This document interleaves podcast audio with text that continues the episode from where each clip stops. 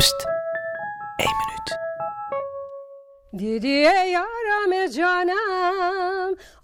Mijn moeder hield al vanaf hele jonge leeftijd van zingen, maar in Iran kon dat nooit. Nou, de familie van mijn moeder is ontzettend gelovig en heel streng in de leer. En eh, nou, die zijn dus echt bang dat als een vreemde man dat hoort, dat hij onkuize gedachten krijgt.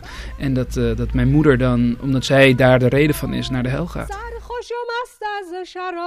Het mooie is, mijn moeder is dus echt hier in Nederland gaan zingen. Is een paar keer gevraagd om op podia te spelen. En de bandjes daarvan, die hebben we naar Iran opgestuurd omdat haar broer heel veel van muziek houdt. En ook heel veel van zijn zus, die hij in de laatste 27 jaar maar drie keer heeft gezien. En die bandjes zijn dus helemaal grijs gedraaid. Wie er ook op bezoek komt, die krijgt dus dat bandje. Maar de enige die niet naar die bandjes luistert, dat is dus mijn oma. En de keren dat ze het wel gehoord heeft, werd haar verteld van ja oma, dit was alleen maar in een bijeenkomst waar alleen maar vrouwen zaten. Dus voor zover mijn oma weet, zingt mijn moeder nog steeds niet als er mannen bij aanwezig zijn.